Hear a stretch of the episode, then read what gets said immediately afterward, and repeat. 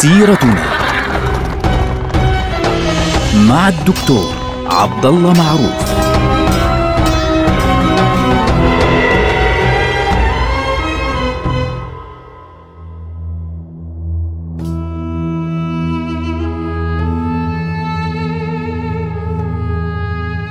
السلام عليكم ورحمة الله وبركاته. سيرتنا سيرة هذه الأمة ونحن الآن في عهد السلطان عبد الحميد الثاني. في بدايات القرن العشرين التي شهدها السلطان عبد الحميد الثاني يعني عام 1900 1901 آه، كان السلطان عبد الحميد الثاني مضغوط مشغول جدا بالأحداث الكبيرة التي تحصل في داخل الدولة خاصة في قضية الأرمن التي يعني تزداد آه، سوءا كل يوم. يحاول السلطان عبد الحميد الثاني ضغط الأمور ويحاول إيقاف ال ال الاضطرابات. انشغل بحرب كبيرة اللي هي الحرب التركية اليونانية التي بدأت في عام 1897 تحديدا يعني ما بين 18 إبريل 4 حتى العشرين من مايو لمدة شهر حيث كانت آه، اليونان فعليا تحاول آه، ضم ولاية آه، ابر وجيريت مستندة إلى دعم الدول الكبرى فقامت ب يعني ارتكاب مشاكل ومجازر في هذه المناطق ثم بعد ذلك حاولت أن تأخذ هذه المناطق بالقوة عندما أعلنت الحرب ضد الدولة العثمانية وهزم اليونان في ذلك الوقت. وكادت وكادت كادت اليونان في ذلك الوقت تؤخذ بالكامل من قبل الدولة العثمانية لولا وقوف القوى الكبرى فعليا لمحاولة وقف هذه الحرب وإعادة الأمور إلى ما كانت عليه قبل الثامن عشر من أبريل. آه وكانت على فكرة هذه آخر حرب في تاريخ الدولة العثمانية تنتهي فعليا بانتصار كامل. هذه آخر حرب اللي هي الحرب التركية اليونانية. في ذلك الوقت اللي هو السلطان لاحظوا مشغول بالحرب اليونانية مشغول بقضية الأرمن التي تشتعل في كل مكان في كل هذه البقاع. انشغل السلطان عبد الحميد الثاني بهذه الأحداث وكان هناك أحداث أخرى تحصل في مدينة بال في سويسرا. عنوانها إقامة الوطن القومي لليهود في أرض فلسطين. وهو مقرر أساسي من مقررات المؤتمر الصهيوني الأول الذي عقد لمدة ثلاثة أيام ابتداء من التاسع والعشرين. من شهر أغسطس اللي هو شهر ثمانية من عام 1897 كانت هذه المقررات قد أخذت فعليا على محمل الجد ومنذ نهاية عام 1897 بدأ تأسيس الوكالة اليهودية وبدأ تأسيس الرسمي للمنظمة الصهيونية العالمية وبدأ يهود العالم الصهاينة لأن هناك يهود كثيرون ليسوا صهاينة ورفضوا فكرة الحركة الصهيونية خاصة الحاخامية الرسمية المتدينة التي كانت ترفض هذه المقررات وترفض هذه الفكرة. لكن اليهود العلمانيون فعليا خاصة في أوروبا الشرقية وفي أطراف أوروبا الغربية أيضا كانوا يرون أن هذه الفكرة يعني يجب أن يتم تجاوزها فكرة اليهودية الأرثوذكسية أو اليهودية المتدينة. ويجب أن نأخذ فكرة اليهودية على أنها قومية وعلى أنها تحتاج إلى وطن حقيقي. وتم اقتراح فلسطين وأخذ فلسطين كقرار. خلاص يعني كان مطروح في كتاب آه، دولة اليهود لتيودور هرتزل طرحت الأرجنتين كخيار آه، فعليا. لكن القرار اتخذ بأن فلسطين هي أفضل مكان لإقامة هذا الوطن القومي. وأيضا يعني كانت فكرته الأساسية أنه محاولة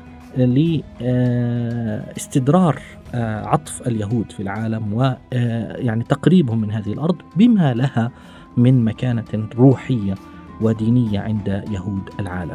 واحد من مقررات المؤتمر الصهيوني الأول الذي عقد في بال في سويسرا كان القيام بمساعي لدى مختلف الحكومات للحصول على موافقتها على أهداف الحركة الصهيونية اللي هي إنشاء وطن قومي لليهود في فلسطين.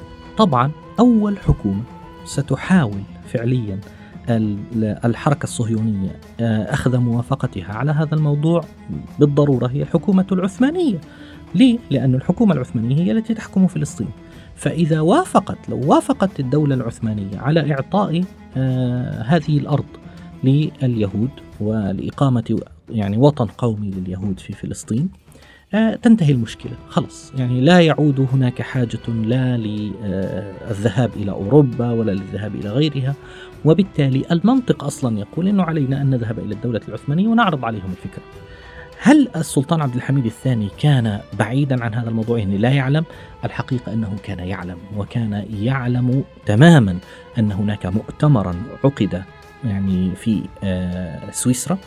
في عام 1897 وتكلم بكل وضوح عن آه، تأسيس وطن قومي لليهود. وكان قد لاحظ إنه القوميون اليهود الذين يعني بدأوا في أوروبا ويعني يتجمعون في أوروبا كانوا قد بدأوا فعليا بمحاولة الدخول إلى فلسطين يعني سنوات قبل آه، إنشاء هذه المنظمة يعني قبل إنشاء المنظمة الصهيونية العالمية. هناك المجموعة التي كانت تحمل هذه الفكرة قبل حتى أن آه، توضع على الورق باعتبارها إنه والله وطن قومي وإن هناك حركة صهيونية، كان هناك مهاجرون يذهبون ويشترون أراضي ويعيشون آه، في بعض المناطق مثل يعني أول مستوطنة أقيمت في فلسطين في ذلك الوقت يعني في عام 1881 تقريبا أقيمت مستوطنة آه، بيتح تكفا.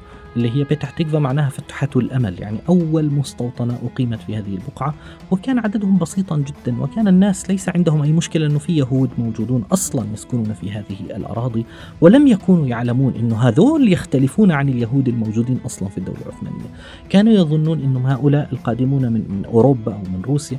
يعني مثلهم مثل أي يهودي يسكن في هذه البلاد ولم يكونوا يدرون أن الأمور أعقد من ذلك وأنها أخطر من ذلك وأنها يعني ستأخذ أفكارا بعيدة جدا.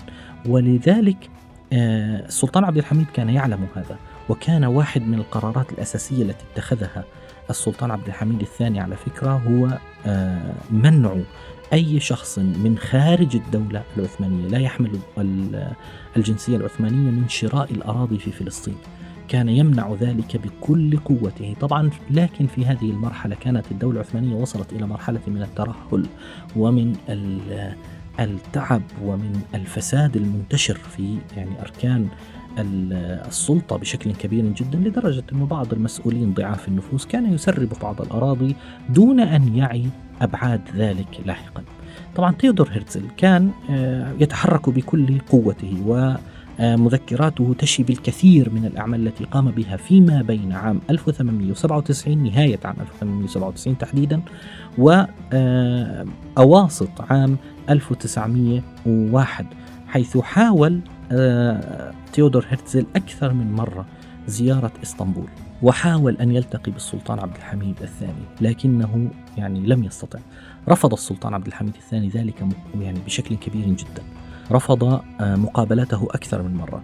يعني في عام 1896 يعني قبل حتى المؤتمر الصهيوني الأول زار تيودور هرتزل إسطنبول وحاول أن يلتقي بالسلطان عبد الحميد الثاني فرفض السلطان أن يلتقي.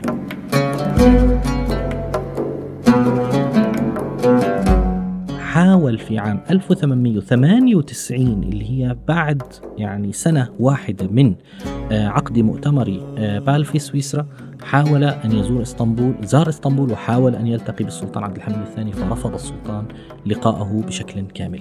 فانشغل في تلك المرحلة. لاحظوا الرجل يعمل بهدوء يعني على مهل فانشغل في تلك المرحلة بتأسيس إن صح التعبير علاقات إنشاء شبكة علاقات مع المحيطين يعني المحيط القريب من السلطان عبد الحميد الثاني. يعني كان هناك محاولة منه للتقرب من بعض الشخصيات في الدولة العثمانية القريبين من السلطان عبد الحميد الثاني سواء طبعا القريبين لا أقصد القريبين بالثقة يعني أقصد القريبين من حيث العمل. هم يعملون داخل الدوائر القريبة من قصر الحكم فعليا في ذلك الوقت وفعلا حصل على عدة صداقات وعلى عدة علاقات. وفي النهاية تمكن من خلال أحدهم أن يصل إلى السلطان عبد الحميد الثاني ولكن على هيئة يعني على هيئة مختلفة تنكر. على آه، أساس أنه والله هناك صحفي هكذا كانت الفكرة. هناك صحفي أوروبي يريد عقد لقاء مع السلطان عبد الحميد الثاني حول القضايا الموجودة منها القضية الأرمنية الآن قضية المشاكل تبعت الأرمن قضية آه، اليونان القضايا المختلفة. فالسلطان عبد الحميد لما وصلته الأخبار أنه هناك صحفي يرغب في لقائك إلى آخره يعني لم يأخذ بالموضوع لم يكن يعلم أنه هذا ثيودور هرتزل الذي يريد أن يلتقيه. فوافق السلطان عبد الحميد الثاني بعد فترة يعني عندما عرض عليه الأمر وافق فعليا على ذلك ووافق على لقاء هذا الصحفي. فوصل هذا الصحفي إلى إسطنبول ووصل إلى قصر يلدز في عام 1901 والتقى بالسلطان عبد الحميد الثاني لأول وآخر مرة. كان هو لقاء واحد حدث بين السلطان عبد الحميد الثاني وتيودور هرتزل السلطان عبد الحميد عندما دخل عليه الصحفي فوجئ بصورة يعرفها يعني هو يعرف هذا الرجل. فعرفه على نفسه قال له باختصار أنا تيودور هرتزل الذي رفضت أن تقابله عدة مرات. أنا تمكنت من الوصول إليك. فالسلطان طبعا يعني لا ينبغي له في هذه المرحلة يعني تعرفون البروتوكولات والدبلوماسية. تعامل معه بمنتهى الدبلوماسية. قال له تفضل ماذا تريد؟ قال له أنا عندي لك عرض. عرض من المنظمة الصهيونية العالمية ومن الوكالة اليهودية. نحن قررنا كذا وكذا. نحن نريد أن تتعطف علينا بالموافقة على منحنا قطعة أرض في فلسطين تكون وطنا قوميا ليهود العالم. وبالمقابل نحن سنعرض شيئا مقابلا. لاحظوا مش انه والله إحنا بدنا إياها وخلص لا سنعرض عليك بالمقابل أن نسدد كافة ديون الدولة العثمانية. نحن نتكلم عن أكثر في ذلك الوقت أكثر من 35 مليون ليرة ذهبية ديون الدولة العثمانية اللي موجودة من أيام السلطان عبد المجيد. إضافة إلى 5 ملايين ليرة ذهبية للسلطان نفسه شخصيا. للسلطان نفسه شخصيا يعني لجيبته بين قوسين رشوة يعني لجيبه. ولا نريد منك إلا أن تعطينا هذه القطعة وهذه القطعة لن تكون فيها دولة. لاحظوا الحركة الصهيونية كانت ذكية في التعامل مع الألفاظ وهذه نقطة مهمة. يعني إحنا بعض الناس اليوم ما بيعرفوا شو دلالة الألفاظ. لما نقول لهم لا يصح أن تقول كذا يجب أن تقول كذا بيحكي لك يا عمي هو شو المشكلة؟ لا هناك مشكلة. الحركة الصهيونية كانت حريصة على أن تستعمل لفظ الوطن القومي وليس الدولة القومية. لماذا؟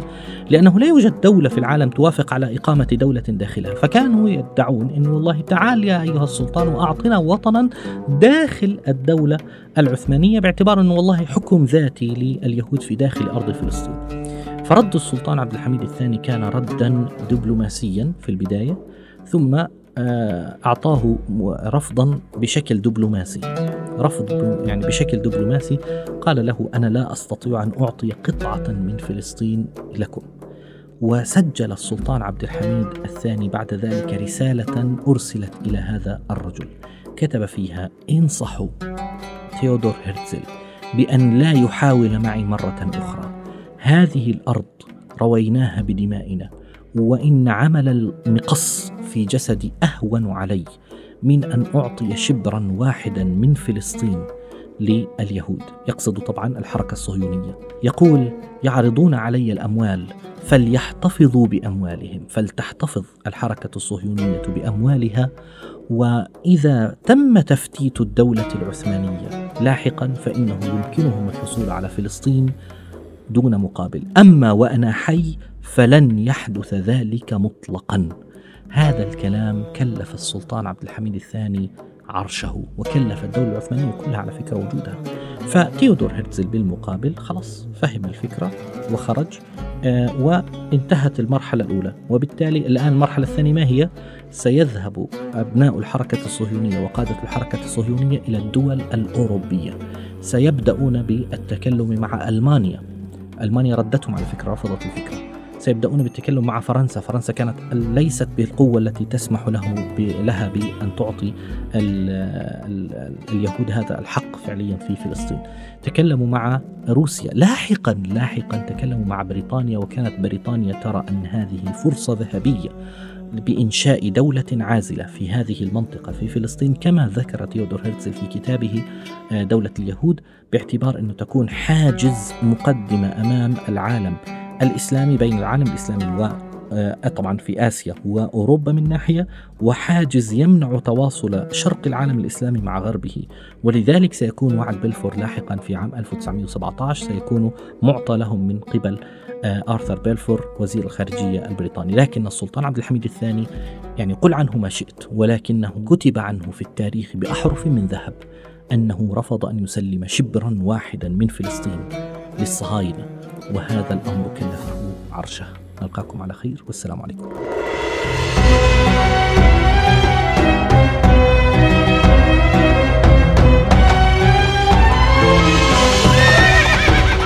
سيرتنا مع الدكتور عبد الله معروف.